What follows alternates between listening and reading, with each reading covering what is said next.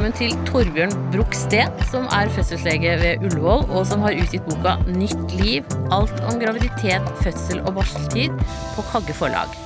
Eh, og du kan få kjøpt den sikkert i de fleste bokhandlene og på nettet og på kagge.no, men vi skal også legge link eh, nederst i artikkelen til denne. Og så har han også nettopp begynt å jobbe i VG Familieklubben, og blir å finne der. Og velkommen hit til denne podden. Du må gjerne si litt om deg selv. Tusen hjertelig takk. Det er en glede å få komme hit. Eh, Nei, altså Mitt liv består av mye som alles liv, men eh, etter jeg har vært her, så skal jeg gå på Ullevål sykehus og forløse noen barn, tenkte jeg. Ja, Eh, Som overlege på Ullevål så har jeg hatt en glede av å over nesten 15 år tatt imot eh, 2500 barn, så det skal jeg bare fortsette med. Og når jeg kommer hjem, så er det en del barn hjemme også, så jeg er firebarnsfar og eh, har litt forskjellig å drive med. Og, og syns jo mye av det du driver med er viktig, nettopp det her med å drive med helseinformasjon. Altså snakke direkte og enkelt til folk om viktige ting som jeg bryr meg om. Og det jeg bryr meg om, er selvfølgelig eh, da svangerskap og fødsler og slikt. ikke sant? Det som er morsomt i livet. Ja. Tusen takk. Det, det vi skal snakke om i dag, det glemte jeg å si, det er jo litt sånn eh, komplikasjoner i graviditet. ja. Eh, og de, dette gjelder jo ikke fryktelig mange, men det kan være greit å vite om. Ja, og det er jo litt sånn at eh, Som jeg prøver også å beskrive i boka, altså at de aller fleste kommer til å gå gjennom et svangerskap uten noen spesielle problemer, og de kommer til å få rier sånn rundt regnet termin, som er tre uker før eller to uker etter eh, termindatoen, og så kommer de inn med rier og føder. Det er jo brorparten. Mm. Og da blir liksom folk Ja, men hva er det skal med deg, da?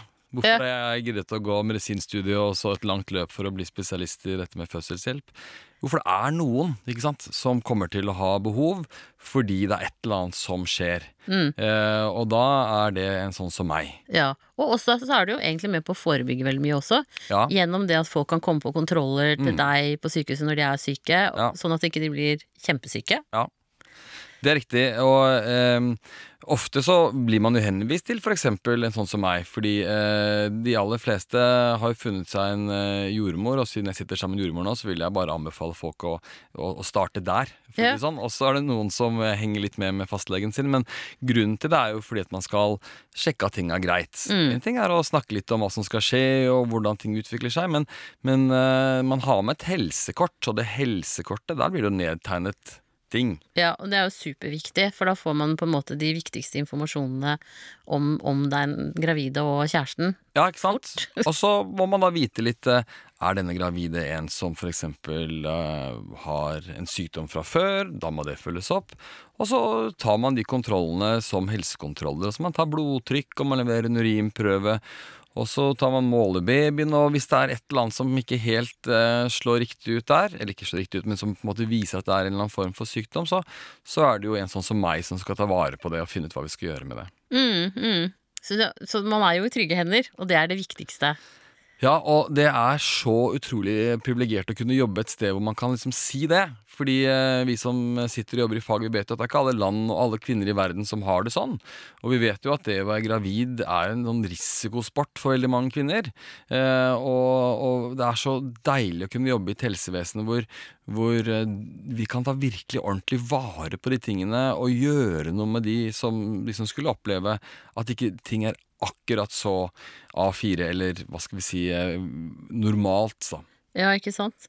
Og så er det vel også en faktor, det har jeg snakket med noen av jordmødrene som jobber på Ullevål blant annet, med at eh, vi blir jo eldre som gravide, og, og vi er jo har, På grunn av det så har man jo også mer sykdommer. Så Mm. sånn sett så er, blir det jo en liten del litt mer syke, da. Men eh, eh, det er en utvikling der også. Absolutt. Jeg, når jeg skrev boka, så tenkte jeg eh, jeg må jo ha med litt avsnitt om eldre gravide. Ja. Eh, og det kom også på bakgrunn av at jeg ble intervjuet i NRK om den samme eh, Ikke problemstilling, men den samme fakta, da.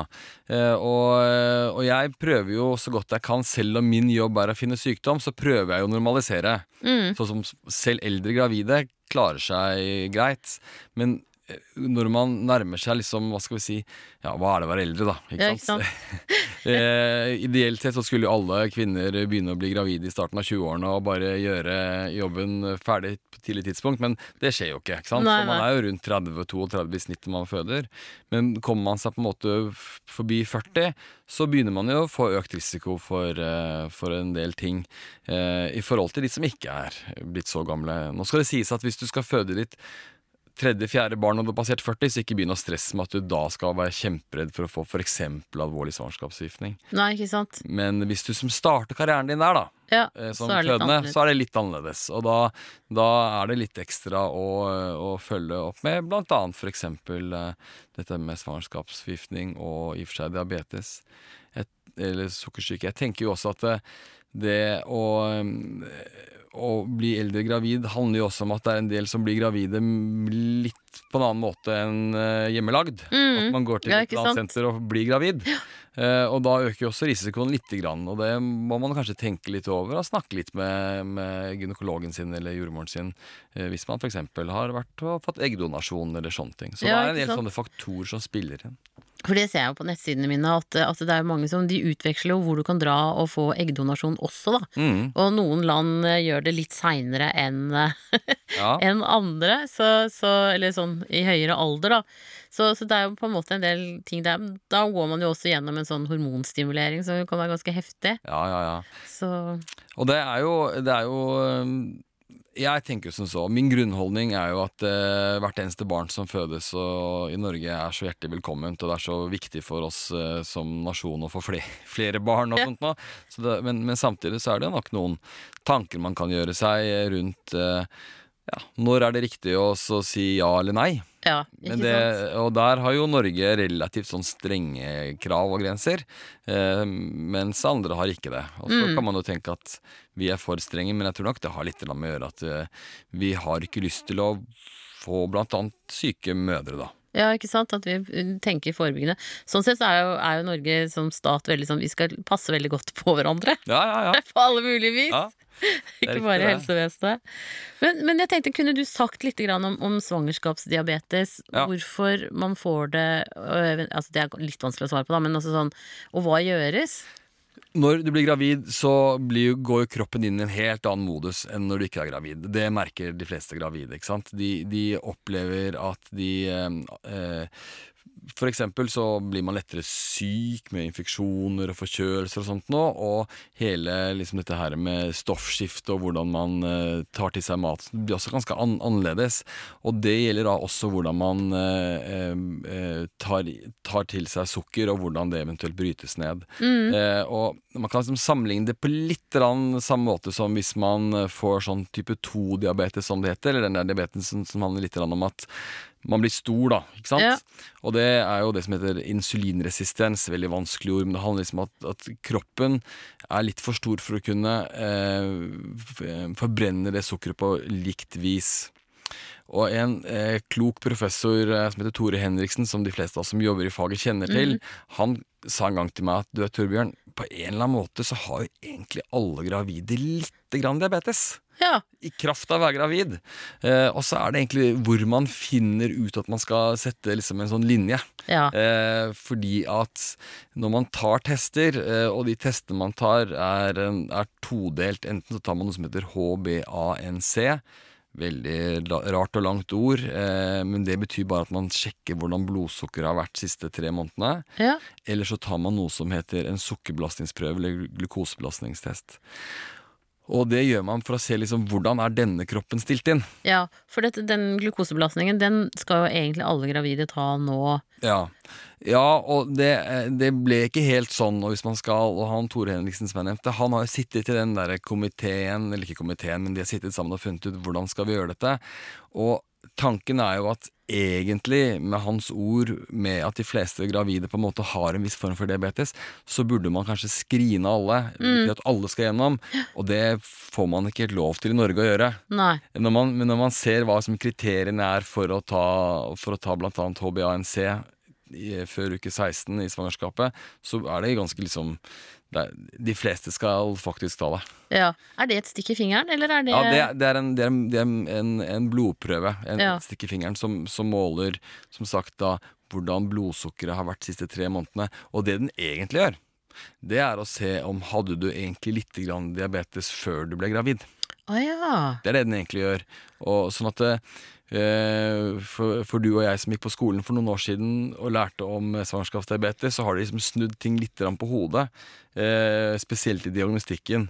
Så det er litt kronglete, rett og slett. Okay. Så jeg prøvde å forklare det så enkelt som mulig i boken min, men jeg må innrømme at det kapittelet brukte jeg lang tid på. Ja. eh, Eller det avsnittet, fordi eh, det å kunne liksom få det der til å være lett forståelig Men i bunn og grunn så handler det om at hvis du er over 35, og hvis du har litt høy BMI, altså litt stor kropp, eller hvis du kommer fra deler av, av verden, eller genetisk fra deler av verden som Asia og, og Afrika under Sahara osv., så, videre, så så skal du ta denne prøven. Eller hvis du har hatt diabetes før, Ja. eller familie med diabetes, så plutselig så blir det her ganske stor gjeng. ja, ja. Og da er det målet at man skal liksom på et tidlig tidspunkt avdekke om du er en person som bør tenke litt annerledes på kosthold. Ikke sant, når du er gravid. Ja. Uh, for at jeg opplever det at jeg får spørsmål om det på Alt for mamma, og da okker jo folk seg litt fordi at de syns de blir så dårlige av den glukosebelastningstesten. Ja. Men så tenker jeg det er jo Man må se på verdien, da, som du sier, ikke sant. At det, det handler jo om liksom hele graviditeten, og noen ganger også kanskje litt livet etterpå. Ja.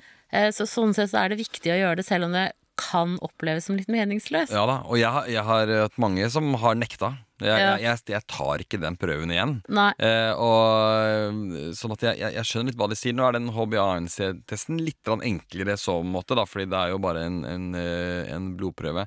Men den viser ikke helt hvordan du akkurat nå forbrenner sukker. Så det er en sånn det, det vinduet som den sukkerbelastningsprøven viser, er ganske viktig å ha med seg også. Ja, og så, og så tenker jeg litt på det her med symptomer på eh, at man ligger litt i grenseland. Det kan jo være det at du er veldig tørst, Ja. At du må tisse ofte. Det må jo nesten alle gravide uansett. Men altså sånn, det er noen sånne Hvis du ikke har Det bør man jo da snakke med fastlegen eller jordmoren om. Ja, det, kan- det syns jeg også man burde gjøre. Og så er jo hele dette her går jo på Og det er en litt sånn vanskelig balanse. For det, ikke sant? Eh, når man blir gravid, så, så, er, det, så er det noen som eh, si, mister matlyst, og noen får økt matlyst. Og sånt nå også. Er liksom, ja, men Hvordan skal man leve jo så sunt som mulig? Ja, Hva betyr egentlig det? Ja. Ja, Når du blir gravid, så trenger du ikke mer enn liksom en, i tillegg da, til vanlig kosthold en neve nøtter eller et par gråbrødskiver eller en banan. Altså Det er ikke så mye ekstra som skal til energi. Men noen eh, øker jo veldig inntaket, og det, det har litt sånn uheldige virkninger på graviditeten. Det så jeg forresten i boka di, og det var veldig kult at du har listet opp helt konkret hva, hvor mye folk skal gå opp i forhold til Ja. hva de For det er veldig vanskelig å vite. Ja, og så var jeg usikker på hvordan jeg skulle legge det fram, fordi eh, vi er alle forskjellige, og det er ingen som er A4, og vi to som sitter i rommet her, vi er ikke A4, og det er greit. Eh, og vi skal heller ikke liksom gi noen noe dårlig samvittighet, men, men eh, man kan liksom ha det litt i bakhodet, sånn at man liksom lever litt etter det. Eh, fordi at hele livet så er det lurt å leve litt sunt, og så er det ingen som klarer å leve 100% sunt. Nei. Det er bra. Nei, ikke sant? Ja. Og de som lever 100 sunt, det- dem om det. Ja. Men, men som gravid så er det jo som du sier Svangerskapet er jo også en liten sånn trigger til livet videre. ja. Eh, Og folk er jo veldig ofte veldig motiverte for å gjøre endringer, syns jeg. Altså det er sånn, Noen som spiser ganske mye snop, for eksempel, de, Ja. de slutter med det. Folk som røyker, slutter med det. Ja. Um, sånn, og snusing og sånn. Altså, og, så, så folk er jo veldig sånn motiverte i graviditeten fordi de vil ikke skade barnet sitt. Så, så det tenker jeg det er en sånn ypperlig tid sånn sett, da. Og så tror jeg kanskje at man med å spise litt sunnere kan oppleve at man føler seg litt mer vel. ja. For det er jo det med det svingende blodsukkeret, at du blir jo faktisk litt sånn urven eh, når det svinger som verst. Absolutt. Så, så jeg tenker at det er liksom noen, en av de tingene som vi snakket om også, det der at altså kjenn på kroppen din. eh, kjenn på hva som er normalt, og så prøv også å liksom justere litt i forhold til det. Ja. Men så tenkte jeg også på det med svangerskapsdiabetes, hvorfor det på en måte, i tillegg til at det er dårlig for kroppen rent sånn hormonelt og, og de tingene der, men så er det jo også det når, når det kommer til fødsel, så er det vel i motsetning til altså, Til vanlig så stopper babyen å vokse når det kommer til termin, mens med, en, med diabetes så fortsetter babyen å vokse. Ja, eh, barn kan i og for seg vokse hele tiden, men du har helt rett. Og det vi da ser etter hvis det er en kvinne som har en svangerskapsdiabetes Altså Hvis du får svangerskapsdiabetes, så er det litt forskjellige grader. Du kan få en type svangerskapsdiabetes som, som kan takles helt fint av jordmoren og fastlegen din. Da er det kostholdsråd og litt sånne livsstilsendringer som skal til, og så følger du med på blodsukkeret ditt. Og så kan du få eh, en diabetes som er på en måte litt mer heftig, og da er det ofte oppfølging på sykehus. Men alle skal få en time uansett uke 36 for at du skal vite at, liksom, hvordan ting er. Det er de nye retningslinjene. så bra. Så det er fint. Og det man da kan få høre på den kontrollen, er jo at her har barnet vokst litt ekstra. Ja. Og igjen så standardstørrelse på barn er også var stor variasjon. Jeg har fire barn. Én veide 2,9 og én veide fire. Og sånn, sånn er det. De er fine jenter alle sammen. Men eh, det er eh, en forskjell på hvilken vekt det barnet hadde tenkt å ha. Ja. Og hvilken vekt den ble litt sånn påtvunget grunnet blodsukkernivå til mor. Og hvis det er et litt ukontrollert blodsukker, så kan man rett og slett få Og det er ikke meningen å bruke et stygt ord, men sånn en, en tjukkas. ja. Har sett de. Og de tjukkasene som kommer med diabetesmødre i tillegg til at Man skulle tenke at de er i veldig godt hold og skal takle en, en heftig prosess, men de takler fødsler litt dårligere også. Ja. Så barna liksom eh, De, de er godt utrusta med å ha noe ekstra fett på kroppen, men når de først skal gjennom en fødsel, og ikke minst morkaken skal gå gjennom en fødsel, så reagerer de litt. Og Senest i går så hadde vi en dame som jeg skulle vu- vurderte, og så begynte babyen å vise Hun hadde svangerskapsdiabetes. Begynte babyen å vise litt tegn til at den ikke har det så bra. Ja. Eh, og da er liksom mitt syn da at eh, da må jeg få den ungen litt fortere ut enn kanskje nabomoren som ikke har diabetes, fordi at jeg vet at en baby som eh, har hatt litt problemer med blodsukker hos mor, kan oftest bli litt dårligere under fødsel også. Så det spiller litt inn, så jo bedre du liksom regulerer dette her, eh, jo bedre kommer det til å gå hele veien. Men, men eh, for all del, eh, mødre med diabetes føder flotte barn, og de kommer friske ut, og vi har god kontroll på det. Og litt det der som vi sier om at det at man har fått den diagnosen, det er litt kjedelig å ha, men da har vi også øynene våre oppe, Mm, mm. og det er fint. Og de blir jo også fulgt opp, eh, både mor og barn, litt tettere etter fødselen. Ja. Ja, man blir ikke liksom sendt hjem etter seks timer. Nei, ja, det er en annen diskusjon. Sendt hjem etter seks timer, det kan vi ta senere. Ja. Men det er helt riktig. Og, og det er jo også sånn at hvis det er slik da at det skulle tegne seg til at den ungen blir en sånn liten konfirmant, som vi kaller det, ja, da prøver vi å starte fødselen litt før. Ja, ikke sant? Så eh, nå legger barn på seg kanskje et par hundre gram i uka. Eh, så det er ikke liksom, men, men hvis vi ser at her er det en som virkelig eh, tar sats, så føder man kanskje et par uker før. Eh, og det har vist seg heldig med en del sånne det, komplikasjoner under fødsel. Mm. Så da vil man vel ofte se det på den SF-kurven også, at Ja. de på en måte øker litt mer enn normalt, da. Ja, og SF-kurven, eller symfysefundusmålet, er jo en sånn derre evigvarende Eller for mange litt evigvarende bekymring. Ligger jeg der eller der? Jeg vil ligge midt i. Alt, Ja. alt utenfor midt i er ikke bra for meg. Du kan helt fint ligge på toppkurven eller bunnkurven, men hvis du ser at den plutselig tar sats og stiger over der den har ligget hele veien, eller eventuelt faller under, Mm. Ja. så er det jo noe å følge med på. Og disse diabetesbarna de, de kan også falle under. De kan også være at de rett og slett ikke får nok eh, energi underveis. Oh, ja. Sånn at eh, begge deler må følges med på. Altså, for å kunne komplisere det hele. Og det her er ikke for å skape noe sånn angst ute, i, ute på eteren der, men, men eh, man kan jo også til og med utvikle svangerskapsforgiftning eh, i, i kraft av å ha diabetes. Så, så det hele handler om at eh, du som er der ute og er gravid og eventuelt har fått den diagnosen, er såpass heldig at du er et system hvor vi følger med med argusøyne på alt dette. For det, det, nå kom det jo akkurat nye svangerskapsretningslinjer, og da fortalte de jo det at svangerskapsforgiftning har gått ned i den norske befolkningen nettopp på grunn av at man følger bedre med på svangerskapsdiabetes. Ja. Og tenker jeg, det er jo fantastisk. Ja, ja, ja. Jeg er jordmor Siri von Krogh, og du finner meg på nettsiden min altformamma.no. Jeg er på Facebook både med jordmor Siri for de som er gravide og venter barn, og så med Alt for mamma for de som har født og har små barn i huset. Og så er Alt for mamma på YouTube, og på Instagram så er det hashtag Alt for mamma. Send meg gjerne en e-post om temaer på podkast.jordmorsiri.no. Og har du en historie å dele eller et hjertesukk, så kan du lese det inn på telefonen din, og så kan du sende det til meg på mail. Og da kan vi bruke det i podkasten, og da må du også si fra om du vil være anonym eller ikke.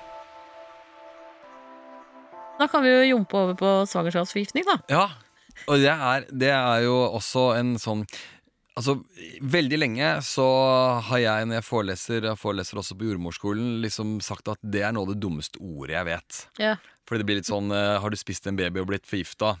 Uh, og, og på engelsk heter det preklamsi, som er, en, uh, som er på en måte et litt sånn fremmedgjørende ord. Men så har jeg blitt mer og mer glad i ordet, faktisk. Ja. Eh, Fordi at det er på en måte en forgiftning i, sitt, i sin verste form. Altså det, det, Hvis det skal liksom gå helt på topp av alvorlig svangerskapsforgiftning, så kan det nesten være som å spise en giftig sopp. Altså du, Kroppen til mor eh, reagerer på voldsomme måter.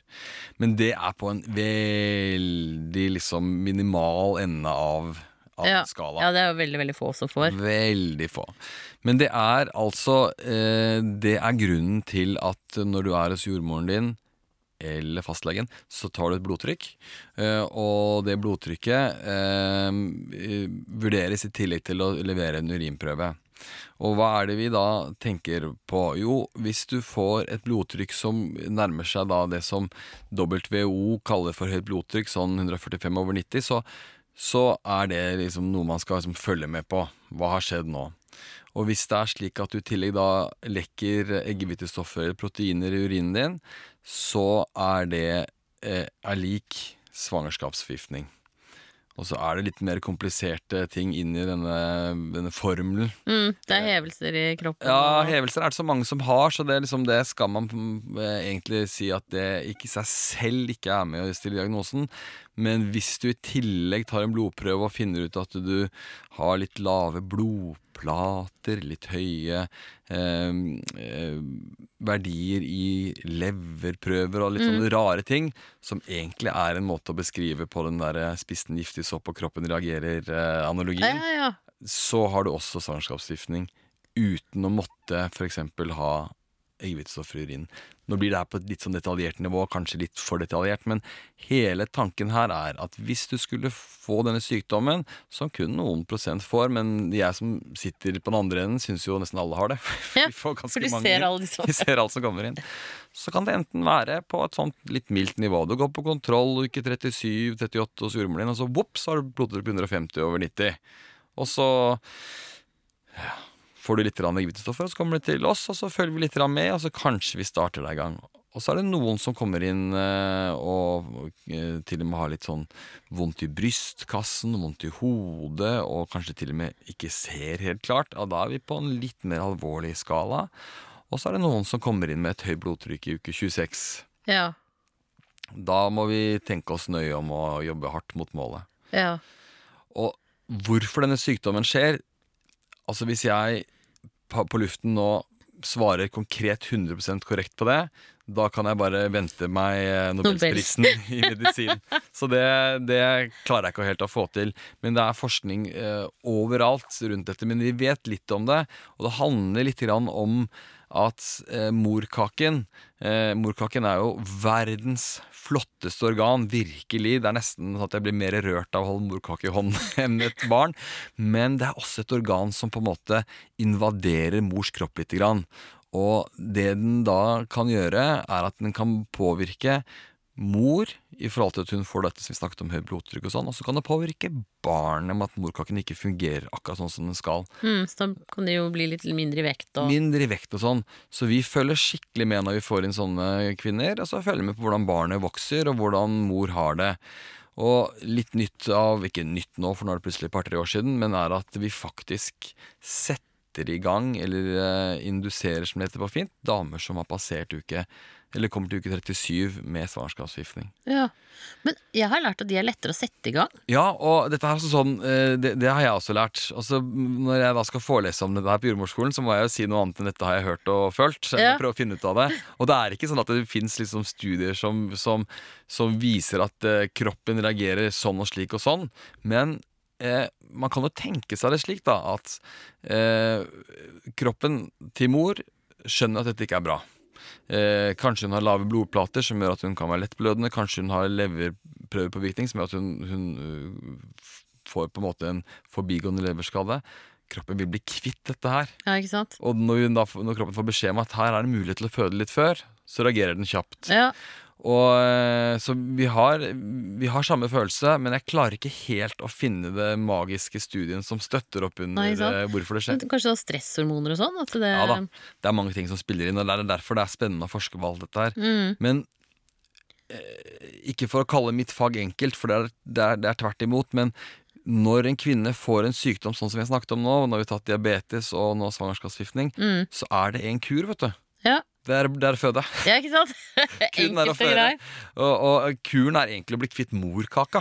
Ja. Eh, og de gangene vi har disse alvorlige eh, svangerskapsforgiftningene, som er så alvorlig syke at vi må ha dem på sånn intensivavdeling, eh, og vi må gi masse medisiner for blodtrykk og sånt nå eh, Igjen så skal ikke dere som lytter være veldig bekymret, for dette her er supersjelden, men jeg ser det jo av og til.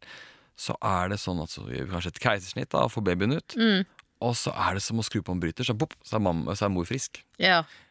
Ja, I de eh, nesten aller til ja. tilfellene. Ikke sant? Og det er jo magisk. Og det samme gjelder svangerskapsdiabetes. Hvis du har måttet begynne med medisiner, f.eks. Altså, du har begynt med eh, som heter Metformin, som er sånn tablettbehandling, eller til og med insulin, som er den medisinen som de som har type 1-diabetes tar, så kan du bare slutte. Noen Ja. er ute.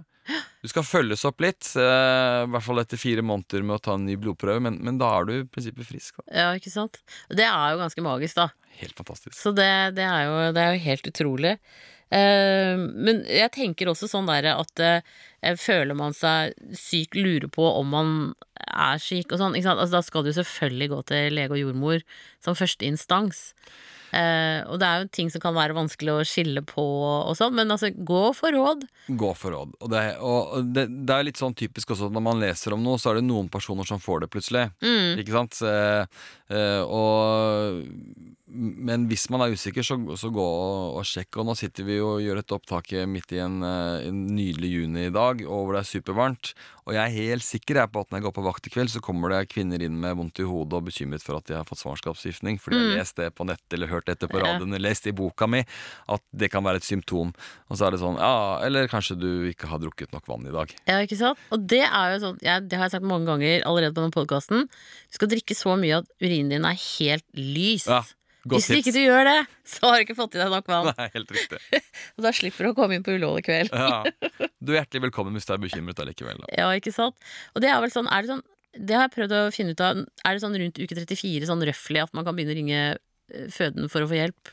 Ja, det, det som jeg pleier å si, da, og nå det mulig jeg får litt kjeft av mine kolleger som sitter og tar telefonen, for jeg er jo bare den som uh, møt, møter opp når kvinnen har kommet, og de må jo antageligvis be noen om å gå til fastlege også. Ja. Men vi er jo litt sånn uh, Som gravid så må du ikke gå til en lege eller legevakt og få en ordentlig henvisning med kulepennunderskrift for å få plass inn på fødeavdelingen din. Nei, ikke sant? Eh, og allerede fra uke 24 så kan du begynne å ringe og, eh, hvis det er et eller annet. Men, men jeg vil nok anbefale først å ringe primærhelsetjenesten, dvs. Si jordmor eller fastlege. Mm. Fordi at det er ofte ting som er lett å svare på. Og eh, når jeg snakker for min egen avdeling, som er på Ullevål, de sitter nesten eh, 24-7 og snakker i telefonen. Ja. Og da kan det være langt å komme inn. Men er du ordentlig bekymret, og ta noe som, som helt ja, Det er ikke trivielt, men noe som er eh, det vanligste vi får akutt. Lite liv. Mm. Ikke gå liksom til fastlegen din som ikke er på jobb før på tirsdag og be om en henvisning for lite livvurdering på Ullevål. Eller på sant. det sykehuset du skal føde på. Da ringer du. Ja. Eh, men klart at eh, har du litt hodepine på kvelden, så tror jeg kanskje ikke du vil oppleve at eh, du får høre 'kom inn med en gang', du. Nei, ikke sant? Da er det liksom drikk mer og eventuelt ta en Paracet. Ikke sant? Sånne ting. I hvert fall. Nei, for jeg tenker liksom mm, For jeg tenker sånn særlig helgene og sånn, da. Mm. Eh, og, og, helligdagene når alt annet er stengt, så går det faktisk an å ringe føden Ja. etter Jeg tror vi skal si liksom kanskje sånn rundt uke 30 eller noe. Ja da, eh, og det, det er helt riktig. Og eh, det, det går helt eh, fint an. Og jeg pleier å si, for det er mange som Du vet at eh, av de som kommer eh, øyeblikkelig hjelp til oss, da, så vil nesten ja, nå er ikke tallet, men over 90% vil bare bli sendt hjem en gang. Med en gang. Ja. Eller ikke med en gang, men etter en undersøkelse. Ja. Så er det litt sånn flaue for at de brukte opp tiden vår, og ja, det var litt lite liv, men det er normalt nå, sånn sier jeg. Men det er jo så bra. Det er jo så godt for oss å vite at du følger med og tar pulsen på hvordan du har det i forhold til liv eller symptomer og sånt nå. Eh, men, men eh, Og det er veldig få som misbruker den eh, Tilliten der, tilliten der. Og så er det jo forferdelig hvis man på en måte skulle ha ringt, da. Ja, ikke sant? Og, og det tenker jeg også sånn Det handler jo også om mye liv. Ja, At hvis babyen plutselig er veldig, veldig aktiv Men, men der sliter jeg litt med å krølle hodet mitt rundt, for nå fikk jeg eh, spørsmål fra en hvor liksom babyen hadde vært hyperaktiv i fire døgn. Mm. Eh, Og ikke roet seg sånn som den pleide, så jeg anbefalte henne å ringe til sykehuset, da. Ja. For dette var liksom i uke 32. Mm. Eh, men, men er det liksom Hvor, hvor lenge? Du, det var et sånn studie som pågikk for noen år tilbake, eh, og da skulle man da det, het- Da skulle man føre en logg på hvordan barnet beveger seg. Jeg tror det er helt riktig å tenke at barnet har en eller annen form for rytme og, og sånt noe. Men selv om jeg har en veldig sånn jevn ja, Det har jeg ikke, da, for jeg jobber på et sykehus og jobber hele natten, og sånt, men selv om Ja. De fleste har en jevn rytme, så er det lov at man er utenfor rytmen også. Ja, ikke sant? Og eh, det er sjelden at et hyperaktivt barn, eller hva betyr det, da? Et barn som beveger seg veldig mye, eh, gjør det fordi det er i ferd med ikke å ha det bra. Mm. Eh, det, det er sånn unntaksvis at jeg har vært med på at det har ikke vært eh, greit. Eh, og da snakker vi liksom én eller to caser for meg over 15 år. Ja. Sånn at jeg, jeg tror du ikke skal være redd for mye liv. Av og til så får man det der veldig søte spørsmålet Tror du at barnet har ADHD eller noe sånt nå? Ja, ja. Så sier jeg nei. Her er det et barn som koser seg. Eh, men disse barna de ligger jo litt eh, og beveger seg litt rundt, og kanskje den lå på det vis og det vis, og kanskje den lå med hodet opp og rumpa ned. Altså, kanskje det blir litt sånn, og så plutselig er det an eh, annerledes. Men uh, dette her med lite liv, det er en veldig viktig måte å følge med på om ting er greit med. Samtidig som jeg kan få å referere kona mi når hun var gravid med vårt fjerde barn. da uh, Så spurte jeg du, kjenner du normalt med liv, og så så hun på meg og sa jeg aner ikke. Nei. Så ble jeg sånn, Hvordan skal vi tolke det? Ja. Her tolker jeg i beste mening. Ja. Eh, Fordi at jeg tror de fleste kvinner har en sånn viss følelse om ting er Mm. ok eller ikke. Det er ikke sikkert du som lytter nå har det, men de fleste har det. Og når du er trebarnsmamma og gravid, og det går unna, og det er avslutninger og ting og tang, så er det ikke alltid lett. Men hvis du sitter der og tenker at det er et eller annet som ikke stemmer for meg, Ta en timeout, skru av mobilen, sett deg i en stol, eh, skru av radioen, skru av mannen eller barna eller hva det nå skal ha rundt deg, Ja. og bare kjenn etter. Og så er det mange ting som uh, man får råd om, drikk masse saft og sånn. Der har jeg gått grundig i litteraturen og ikke funnet noe bevis for øvrig. øvrig. ja, okay. Men, uh, og heller ikke med å suge på en isbit eller hva det skulle være. Det vi driver med nå for øvrig, er å gi babyen lyd på sykehuset. Vi ringer en bjelle over magen. Å ja, og da sparker den sånn da sparker den. Eller hvis jeg bruker ultralyd. Ja. Da våkner de. Jeg jobbet sammen med en jordmor på Ahus som tok høy C. Ja, det var så veldig utslagsgivende. ikke sant? Men hvis du gjør det, og det jeg pleier å si istedenfor å drikke øh, saft, er at man uh, spiser noe ordentlig. Ha, ha blodsukker i orden. Har du gått rundt hele dagen og det har vært stress, og du har liksom ikke rukket normal lunsj og sånt nå, Mm. sørg for at du er i en sånn normal tilstand med normalt blodsukker. Ja. For det er ikke noe tvil om at hvis du er helt uh, slak sel i serken, så kan du ikke forvente at ungen der inne har en fest. Nei, ikke sant? Og hvis du da er etter to timer kjenner at det, det, det har liksom ikke vært uh, minimum ti ordentlige bevegelser, og du kjenner på at det er et eller annet som ikke stemmer, oh, ring. Ja, ikke sant? Og det som er så kult, er at eh, liksom de aller fleste, nesten idet vi kommer inn til oss, kjenner sparket. Ja, ikke sant? Og så ligger de, og, så ligger de og, og får en sånn CTG, som er en sånn fosterovervåknings... eh, og så, så sparker de masse, og så blir det litt sånn forlegne. Så sier jeg men i all verden, så bra. Dette er bare bra. Ja, Ingenting er dumt med Nei, dette. He- Som du sier, e- heller en gang for mye enn en gang for Absolutt. lite. Og så må vi også føye til det der at hvis du har hatt en veldig sånn stressende dag, så blir jo ungen også roligere dagen etter. Den også blir litt sliten Ja etter en aktiv dag. Så da liksom også kan man Altså man må tenke litt etter hva, hva har jeg gjort noe spesielt. Eh, kan være lurt. Men stoffskiftesykdommer, Ja. høyt og lavt blod, Ja. eh, stoffskifte. For det opplever jeg at det er ikke så mange fastleger som kan så mye om det. Nei, Og kanskje heller ikke jordmødre, men, men, men det er liksom og, og heller ikke så mye fødselsleger. Nei! Men det Du, er jo altså, det- veldig sånn på vei opp. Ja, og det er jo Det står masse om det i avisen om dagen for øvrig. Det er jo mange som eh, antageligvis ikke får noen spesielt effekt av det de spiser som, som eh, heter Levaksin. Det er den medisinen som er den vanligste, som er da tyroksin. Og tyroksin er det som styrer stoffskiftet. Eh, og det viser seg nå til en del forskning på at det egentlig eh, At det er veldig mange som ikke har effekt av det medisinen i det hele tatt. Yes. Eh, og, men men eh, du kan si eh, stoffskifte er eh, Jeg sa det i starten i dag, at det forandrer seg jo litt når man blir gravid. Eh, vi på Ullevål er så heldige å ha en eh, endokrinolog, eller hormonlege, som hjelper oss på onsdager hvis vi har de som har alvorlige stoffskifteproblemer. Men ellers så er de stort sett vet at de har det.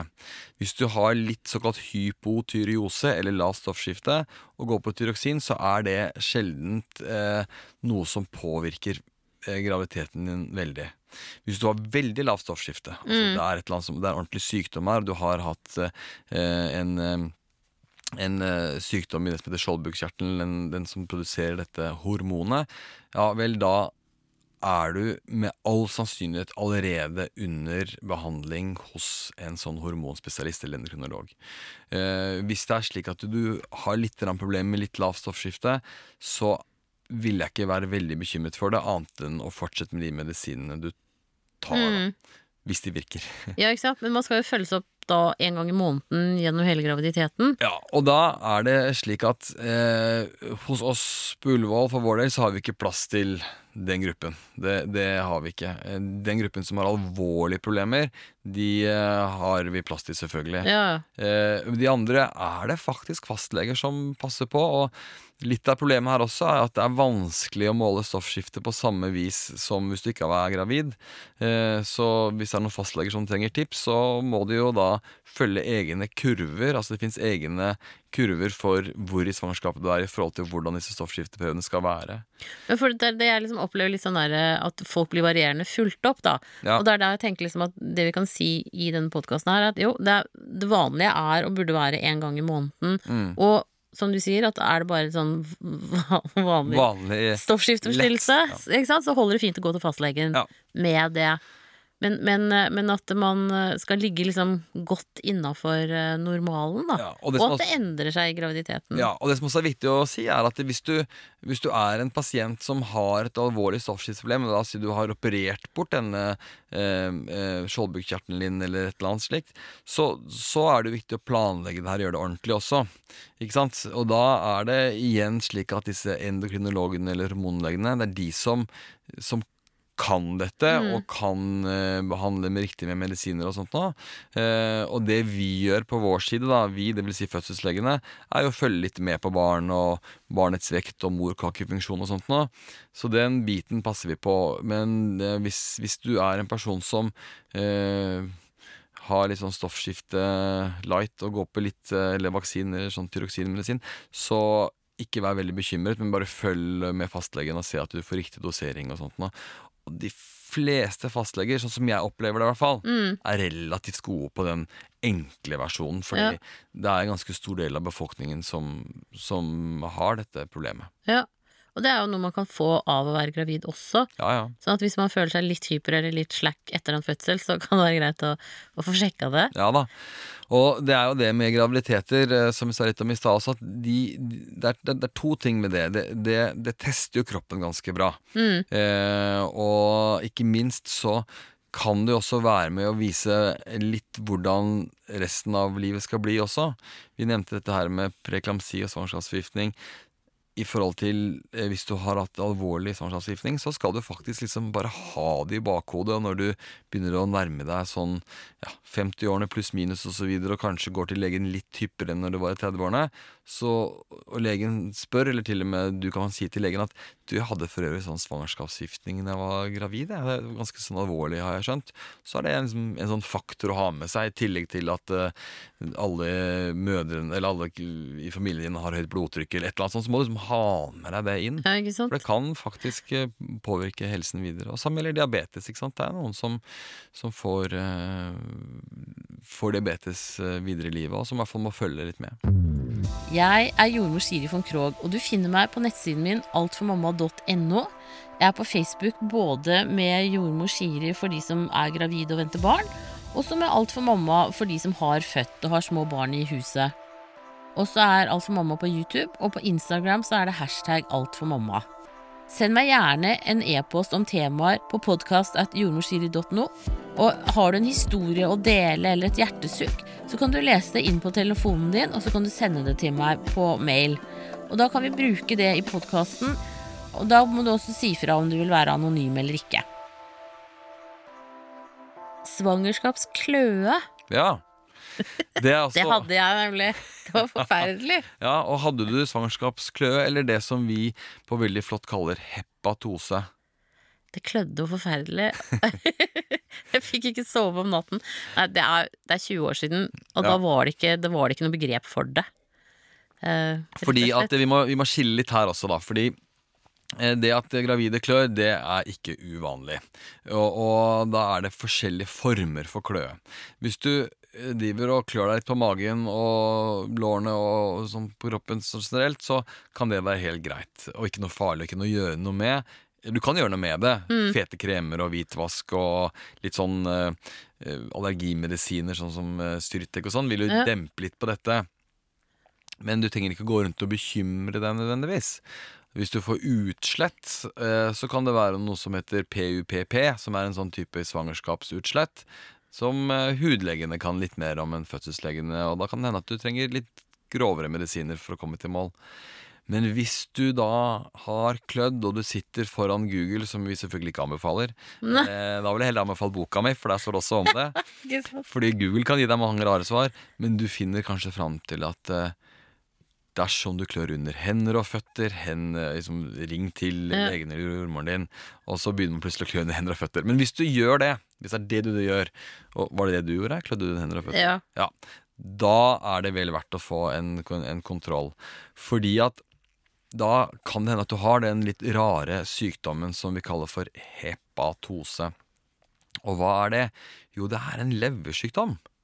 Og det den gjør, er at den påvirker leverprøvene dine, og så øker den da gallesalter i blodet. Hmm, hva er det det gallesaltene gjør? Jo, blant annet at det klør. Det klør hender og føtter. Og da er det slik at uh, vi skal behandle kløen din, og vi kan gi noen medisiner som demper gallesaltene. Men vi skal også faktisk eh, se i øynene og si at hvis du har en sånn uh, altså, Verdien er 40, det er bare tallene, det er det tallet vi måler etter. Så er det slik at vi skal eh, faktisk eh, ta og starte i gang fødselen din.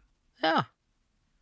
Og, hvis vi, og det er av den grunnen at eh, når man driver med medisin og skal gi noen råd og finne ting, så er det, eh, må vi lene oss på alle de som gjør masse stor forskning, som vi også driver med på mitt sykehus. Mm. Og så finner de fram til at hvis man starter uke 37, på samme måte som de som har preeklamsi, så blir det det beste utkommet for mor og barn. Ja. For jeg tenker også her, har man liksom lett svangerskapskløe, så kan man jo si fra til jordmor eller fastlege, og så få tatt eh, leverfunksjonsprøvene, Ja. bare for å, å ta dem og se. Og så, så blir man jo da henvist videre hvis, hvis det liksom er høyt. Men man, det tenker jeg liksom, man kan, det, man kan jo ta en sjekk, Ja. kanskje. Og det, og, det, og eh, hvis man er bekymret, så tar man en sjekk. Men hvis det kommer en til meg da eh, i kveld på vakten min, og så sier hun at hun klør så fælt, og så tar jeg spørsmålet hvor er det du klør hen. Hvis jeg starter med å si klør du under hender og føtter, Ja, sier hun ja ja. og hvis hun da sier vet du hva, jeg er helt gæren av i hendene, ja da tar vi de prøvene. Uh, og, uh, og det kan godt hende at de prøvene er normale, og så tar man en ny prøve om to uker, og så ser man an, og så føder man, og så er det jo det samme som de andre problemstillingene. Ja, ikke sant? Vips, da, er det over. ja, ikke sant? Og da, da tenker jeg da kommer du også inn på den der forebyggende effekten. Ja. At vet du, da, vet, da vet man jo litt hvor landet ligger, ja, ja. og så kan man handle i forhold til det. Mm. Eh, så det er, det er jo veldig mye av det som som er liksom det med svangerskap og fødsel og sånn. Altså det er mye fore, aktiv forebygging. Ja, det er det. Samtidig så er det eh, ikke så mye andre løsninger enn fødsler på mange av sykdommene. Ja, det er en sånn blanding. ikke sant? Altså Hvis du får eh, svangerskapsforgiftning, så, så er det ikke sånn at du kunne gjort fryktelig mye for å hindre det. Eh, mens eh, diabetes så handler det jo litt om kosthold og sånt nå. Svangerskapskløs er ikke sånn at du burde ha spist mer av det eller ikke gjort det og sånt Og Så Mm. der er det litt sånn Det er litt, uh, litt uh, tricky, kan du si. Men, Mm. men, eh, men det å ha sånn generelt sunt, sunn livsstil, det er jo alltid superbra. Ja? Men vi kan forebygge. Det er nemlig at det blir katastrofale utfall. Ja. At, at mor blir alvorlig syk. Og det skal jo få lov til å sies at eh, dette her med svangerskapsforgiftning, det er jo en årsak til at ikke mødre klarer seg Ja. med en svangerskap Ja. utenfor Norge. I Norge er vi jo veldig raskt ute med å ja, sette i gang. sette i gang. Og, og det kan jo sies at sånn snittallene i Norge er vel at det er, det er røftlig 60 000 fødsler, nå ligger det jo litt lavere da, men da er det én til tre kvinner som dør. Ikke sant? Altså det er jo så lite. Det er kjempelite, og, og det er jo årsaker til, til død i svangerskap er jo noe som man følger veldig nøye med på. Og der har liksom svangerskapsgiftning alltid trona, da. Eh, og, og veldig mange kvinner hvis jeg, Når jeg underviser, så spør jeg hva, hva tror dere er døds, de vanligste årsakene til død. Og nå, nå er vi litt i den mørke enden av, eh, av, av faget, men, men, men det er jo for å forhindre det. Og da er det mange som rekker opp hånden og sier blødninger. Ja. Ja, det dør ikke kvinner av i Norge. Nei. I hvert fall i ekstremt sjelden grad.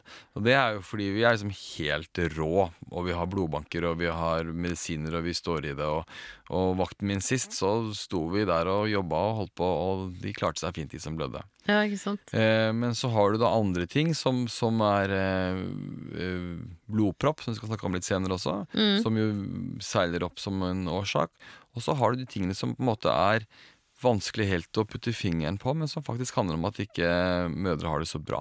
Barselsdepresjoner og, Ja. og sånt noe. Altså rett og slett eh, eh, som den tristeste årsak man kan tenke seg, altså selvmord. Ja. Og da er vi som virkelig helt, som et sånn, helt, helt sånn uff. ja. Men det handler jo også om at eh, helsen er en sånn helhetsting. det handler ikke bare om at man skal spise sunt eller gjøre det, det riktig eller ta blodprøver hvis man er usikker på kløe eller noe som helst. Men det handler jo om at man skal ta vare på hele mennesket. Mm. Eh, og det er jeg glad for at vi er i ferd med å bli litt flinkere til i Norge også. Ja, og, det tenker jeg også sånn når du, hvis du er gravid og du eh, enten har hatt en depresjon tidligere, eller du kjenner at dette her blir veldig tungt i graviditeten, så snakk for all del med fastlegen eller jordmoren din om det. Ja, og eh, nå er det jo sånn at ja, når du er gravid er det viktig, og hvis du har fødselsangst og ting er vanskelig eller mørkt for deg, du har mange mørke tanker, så er det viktig, eller du har hatt disse besværene før i livet ditt, så liksom, ta det ordentlig og tenk eh, grundig over det. Og hvis det er slik at du, eh, når du har født, kjenner at liksom du har ikke den samme gleden over ting som du trodde du skulle få, og dette her med å få barn var ikke så greit og gøy, så liksom ikke bare skyv det under teppet, men bare bring det opp. Og heldigvis har helsestasjonene nå styrket og mer fokus på det. Eh, og vi har jo også en super eh, innsats eh, der det skulle være behov for å hjelpe de som har alvorlige depresjoner. Og så vil jeg komme med en sånn Det er ikke noe reklame, for det er ikke noe kommersielt, men hvis det er slik at du kjenner at du er litt i faresonen og tenker litt at det er vanskelig for deg og litt lett for å bli deprimert, så kan du gå inn på noe som heter Mamma Mia. Ja. Det er noe som uh, Sanitetskvinnene, våre flotte venninner der, uh, har sponset. Jeg har vært litt med i uh, Ikke i laging av programmet, litt med i forskningen bak det. Ja. Dette her er skikkelig tilforskede greier som Flinke, flinke, flinke psykologer i Norge har laget et uh, veldig bra produkt som gjør at du kan faktisk, uh, via å koble deg inn og logge deg på, bli fulgt litt opp, såkalt virtuelt. Altså du Ja. faktisk får noen som stiller deg de riktige spørsmålene som du må besvare, og som eh, gir deg en rød varsellampe når du skal eh, flytte deg fra PC-en og ringe til fastlegen eller helsestasjonen. Ja, Det er jo kjempeflott, da. Kjempeflott. For man sitter jo veldig alene, og det er jo ikke noe du liksom har lyst til å eh, kjenne på mer enn du akkurat må, liksom. Og så, så det, det er jo fantastisk at de eh, Jeg kjente ikke så godt til Mamma Mia, jeg må innrømme. Så det er veldig bra at du snakker om Ja. det. Og da tenker jeg liksom heller liksom Altså det å bygge et sikkerhetsnett rundt seg som er der i tilfelle, også hvis du kjenner at du liksom ligger og vaker litt. Ja. Og så kan du bruke det hvis du trenger det. Mm. At det, at man har den, den tryggheten der. Og så er det jo Søvn er jo alfa omega. Eh, og særlig etter fødselen. Altså Ja. Hvem som helst kan bli gal hvis ikke sover på fem døgn. Eh, så det er, det er en del sånne faktorer som man bør ha med seg. Veldig viktig. Og, og så er det noen andre faktorer som, som eh, det ikke er så lett å gjøre med her og nå, mens man også kan tenke litt på at de, det handler litt om det nettverket rundt. ikke sant? Mm. er du eh, hva skal vi si, eh, flyttet fra hjembygda di og flyttet til storbyen, og du ikke kanskje har så mye familie rundt deg, og sånt, så kan det være litt vanskeligere. Eller hvis du kommer fra en annen kultur og, og plutselig har bosatt deg i Norge, og så har du ikke den derre støtten i landsbyen din eller eh, i liksom eh, folk rundt deg som, som eh, Så det er også en sånn viktig ting. Og så tror jeg også det handler litt om at man skal liksom vise seg litt fram. Og en tekst som jeg har levert inn til VG nå, handler litt om det der med man har liksom lyst til å vise noen sånne glansbilder. Ja. Sett, sette ut på Snap og Instagram, og, og så kommer man til helsestasjonen, og så stiller de spørsmål liksom, sånn, Går alt bra? Ja, alt går kjempebra. Det er super, superfint hjemme. Altså, er det egentlig noe annet som er der? Så mm, bare åpne opp fordi at idet dere, hvis dere skulle føle sånn, viser, viser dere fram, så er det bøtter av hjelp og støtte eh, der ute. Fordi at dette er noe som vi har et fokus på i Norge. Så, så fatt mot. Ja, ikke sant? Og da, da kan man jo Førstelinje er jo fastlege, jordmor, helsesøster. Eh, og så kan man da eventuelt få hjelp til å, å gå videre hvis det viser seg at det trengs mer. Ja, og da er det det som kalles for BUP, og det er det som eh, oversettes til barne- og ungdomspsykiatrisk poliklinikk. Og så tenker man hæ, skal jeg på ungdomspsykiatrisk poliklinikk? Det virker veldig rart. Nei, det er de som tar vare på familien, fordi en sånn barselsdepresjon, det er jo en, det er jo en familiedepresjon. Ja. Det er jo vanskelig for partner, det er vanskelig for barn, og, og sånt noe. Og det kan godt hende at det mye der handler om at man ikke helt føler man får det til, kanskje man skal ha litt ammeveiledning. Kanskje man skal se litt hvordan ting er hjemme, og se litt på dynamikk og sånt nå. Så det, det er ikke nødvendigvis sånn at du skal dit fordi da skal en lege skrive en resept for deg, så du skal bli glad i hodet igjen. Det handler om å sånn, finne løsninger for at det skal bli bedre. Eh, og, og, det, og det, er jo, det, er jo, det er jo så mange som én av åtte ja, ikke sant? Finner. Og det kan jo ramme fedre også. Ja. Og medmødre, kjærester. Altså, sånn, det er ikke bare den som føder, som Absolutt. går inn i et hormonelt kaos. Ja, ja, og det er masse forskning på dette her også. Og det er mange som partnere som står på sidelinjen og ikke har det så bra, ikke syns det ble sånn som de ville det skulle bli. Så Så, så det tenker jeg, det er ikke flaut å ta opp, og, og det, der bør man be om hjelp. Og, og er det sånn at du får på en måte Altså, jeg pleier å si at det, det er ulogisk at man skal være akutt elske barnet sitt når det kommer ut. Det, det tror jeg veldig få mennesker egentlig gjør, men det har liksom på en måte vært litt myten. mm, At det skal man gjøre. Men man må bli, gi hverandre tid til å bli kjent. Men er man liksom tung etter en uke, da, mm. så Eller du er på barsel og du kjenner at, vet du hva, dette her er ikke riktig i det hele tatt. Mm. Så spør om å få være lenger på barsel, forklar hva det er, og sørg for at det er et sikkerhetsnett Ja. når du kommer hjem. At jordmor kommer hjem på besøk til deg, som du har gått til i graviditeten, og at du liksom ikke bare blir satt på gata. Og det er noe av det Jeg var så heldig å jobbe med en sånn varselsretningslinje for noen år tilbake. Blant annet sammen med min gode kollega Gro Nylander. Og da var vi veldig opptatt av eh, dette her som på godt eh, norsk kalles mind the gap. Altså med andre ord sørg for at det er så sømløst mellom barselavdelingen og helsestasjonen eller fastlegen som mulig. At Ja. det liksom, selv om man må reise ut av et hus og inn i et annet hus, så skal allikevel liksom hjelpen være der med en gang. Eh, og det gjelder jo alle disse problemstillingene. Altså Om det er barselsdepresjoner, om det er høyt blodtrykksproblemer eller hva det er, så skal liksom det være en sømløs uh, hjelp. Og det er jo det som er så bra med de nye retningslinjene som du har vært med på, da. Mm. Uh, At uh, jordmor kommer jo hjem én til tre dager etter at du har kommet hjem fra sykehuset, Ja. for å høre med deg hvordan det går, og sjekke og, og Mm. sånn. Og da bruk jordmor fra alt hun har vært, og så kommer jo helsesøster også etter hvert. Ja, Sånn at, at liksom, systemet fins der. absolutt. Ja, så bruk det. Eh, men nå kom jeg på Det er liksom to hakk igjen, da. Blodpropp. Ja. Blodpropp er også noe, og det er også noe som, eh, som eh, jo mange er bekymret for, naturligvis. Eh, Og eh, noen det, det, det skal sies at det å være gravid, det, det øker risikoen for blodpropp. Sånn er det bare.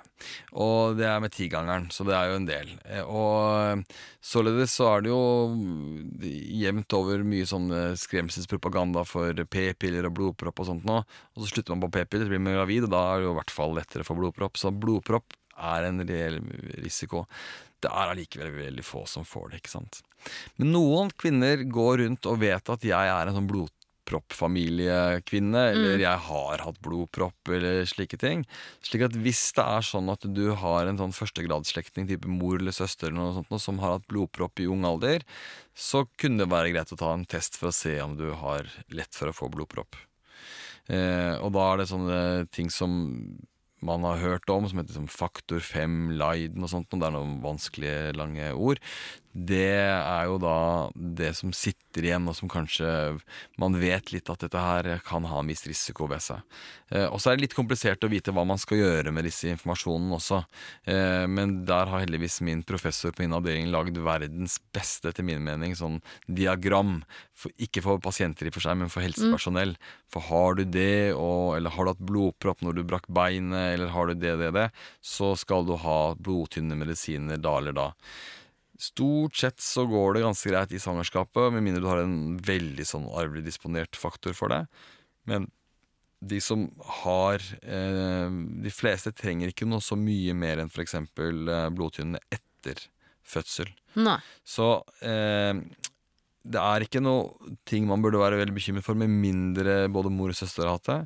Og så er det det å følge litt med. Og hvis du skulle tenke at oi, nå har jeg fått en blodpropp, så er det vanligvis slik at det vil være på venstre bein, og det vil være høyt opp mot lysken din.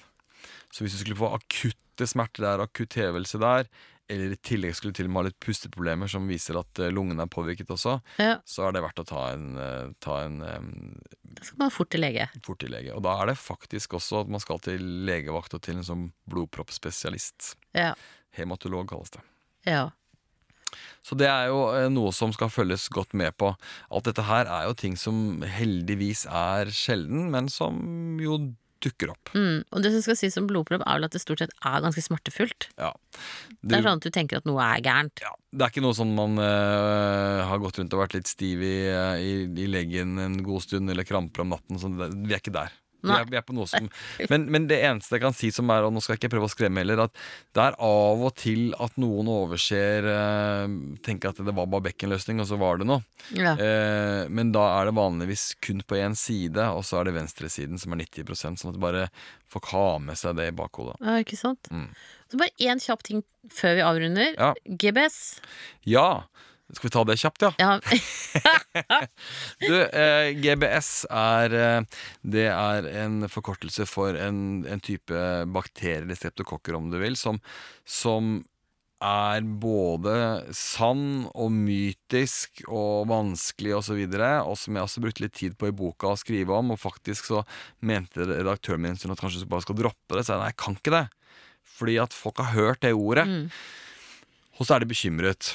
Ok, hva er dette? Jo, kroppen jo, eh, har jo verdens råeste immunforsvar, blant annet ved hjelp av bakterier. I munnhule, i hud og i vagina. Og de- bakteriene er der for en veldig god grunn, nettopp for at man ikke skal få andre bakterier. Så enkelt er det. Og i vagina så er det noe som er det, Vi kaller disse, denne eh, bakteriekulturen for en flora. Så i den vaginale flora Det høres ut som vi er nå ute på en sånn eh, Skogstur. skogstur og en blomstereng, men, eh, men på en måte så er man det. Så er det 10-30% som er bærere, eller som har den GBS-en. Og hva gjør man med det? Eh, ikke noe. Det vil si at hvis du hadde gått rundt og vært gravid i Amerika, i USA, så hadde du tatt en prøve på det, og så ringer venninnen din i USA og sier i all verden, tar ikke, du, tar ikke dere prøve på GBS i uke 24 eller 30 eller hva det gjør? Så sier de nei, det tror jeg ikke. Ja, det gjør alle i Amerika. Ja, Hva skjer hvis du tar den prøven? Jo, hvis du er en av de mellom 30 og 10% som har GBS, ja, så har du tatt en prøve hvor du viser at du har det. Da, hva, hva vil du ha da? Da vil du ha en medisin som fjerner det. Mm. Og så tar du antibiotika som da er det som fjerner det, og så eh, vil opptil 70 ha det, på ha det igjen når du kommer opp til eh, fødsel. Så det var en poengløs ting å behandle. Og hvis man gjør det her i evigheter, så har sikkert folk fantasi nok til å skjønne at eh, da begynner disse bakteriene å få mye motstand eh, mot antibiotika. Og så kommer man i verre situasjoner. Så det vi gjør, er at hvis du er gravid og leverer urinprøver, og du gjentatte ganger har det som heter leukocytter eller hvite blodceller, eller det som ofte kommer i urinen når du er syk med urinveisinfeksjon, og man sender inn til urinprøve, og man finner GBS i urinen, da er det sett som en sammenheng ved at da er du ikke bare en bærer, men en som har en eh, hva skal vi si, en rik flora. Så da er vi i en sånn skikkelig fullblomstrende blomstereng. Og da er det riktig å behandle den urinveisinfeksjonen. Og så er det riktig at du skal få penicillin, eller en form for antibiotika, under fødsel. Og da kommer vi til som sluttsvaret, fordi at det hender seg at vi får barn med infeksjon under fødsel. Og det er ikke noe særlig kult å bli nyfødt og allerede da ha en ganske sånn Heftig. heftig infeksjon, slik at de kvinnene gir vi antibiotika. Eh, og ved å, å liksom være såpass streng, kan du si, så har vi, hindrer vi flere infeksjoner enn vi gjorde før, og det er kjempebra. Så det er det som er med GBS. Ikke bekymre deg for det. Ikke be noen ta en ekstra prøve bare fordi du har lyst, men eh, det jeg sier at det er ikke alltid alle fastleger eller jordmødre tenker så mye over disse hvite blodcellene i urinen, for at ja, men alle har det fra tid til annen. Hvis det er gjentagende, så bare send inn til, eh, til eh, analyse og se etter om det er det i urinen. Fordi ofte så er de urinveisinfeksjonene ikke på samme måte som de vanlige, hvor man svir skikkelig eller eh, noe. Så da, da er det greit å teste ut, fordi da blir det riktig også å gi fødsel. Og så er det vel også viktig hvis, hvis man har det og vannet går, at man da kommer seg til sykehuset. Ja, helt riktig. Da, hvis man har det, og da, da tar eh, fastlegen i Lurmoren og skriver med, med kulepenn 'GBS i urin', utropstegn, utropstegn. Ja. Merknader. Ja, ikke sant? Altså, så selv om vi lever i en eh, digital verden, dere, så har vi fremdeles et meget analogt dokument. Eh, er- Enn så lenge. Enn så lenge. Vi venter alle på at det skal ligge på appen på telefonen som slår inn på sykehuset, men uansett. Det leses, og da får du antibiotika, og da skal du føle deg trygg på at dette går bra. Ja. Men du, da vil jeg si tusen hjertelig takk til deg.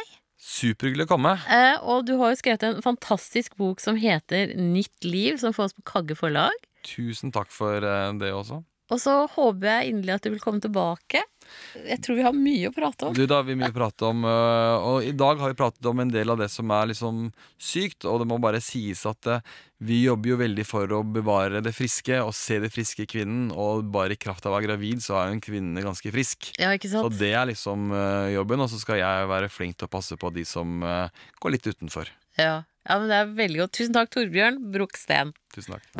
Da ønsker jeg deg riktig lykke til videre, og husk å abonnere på denne podkasten, slik at du får varsel om nye episoder. Produsent for denne podkasten er Tom Langeland, og opptakene er gjort hos Biovisjon Studios.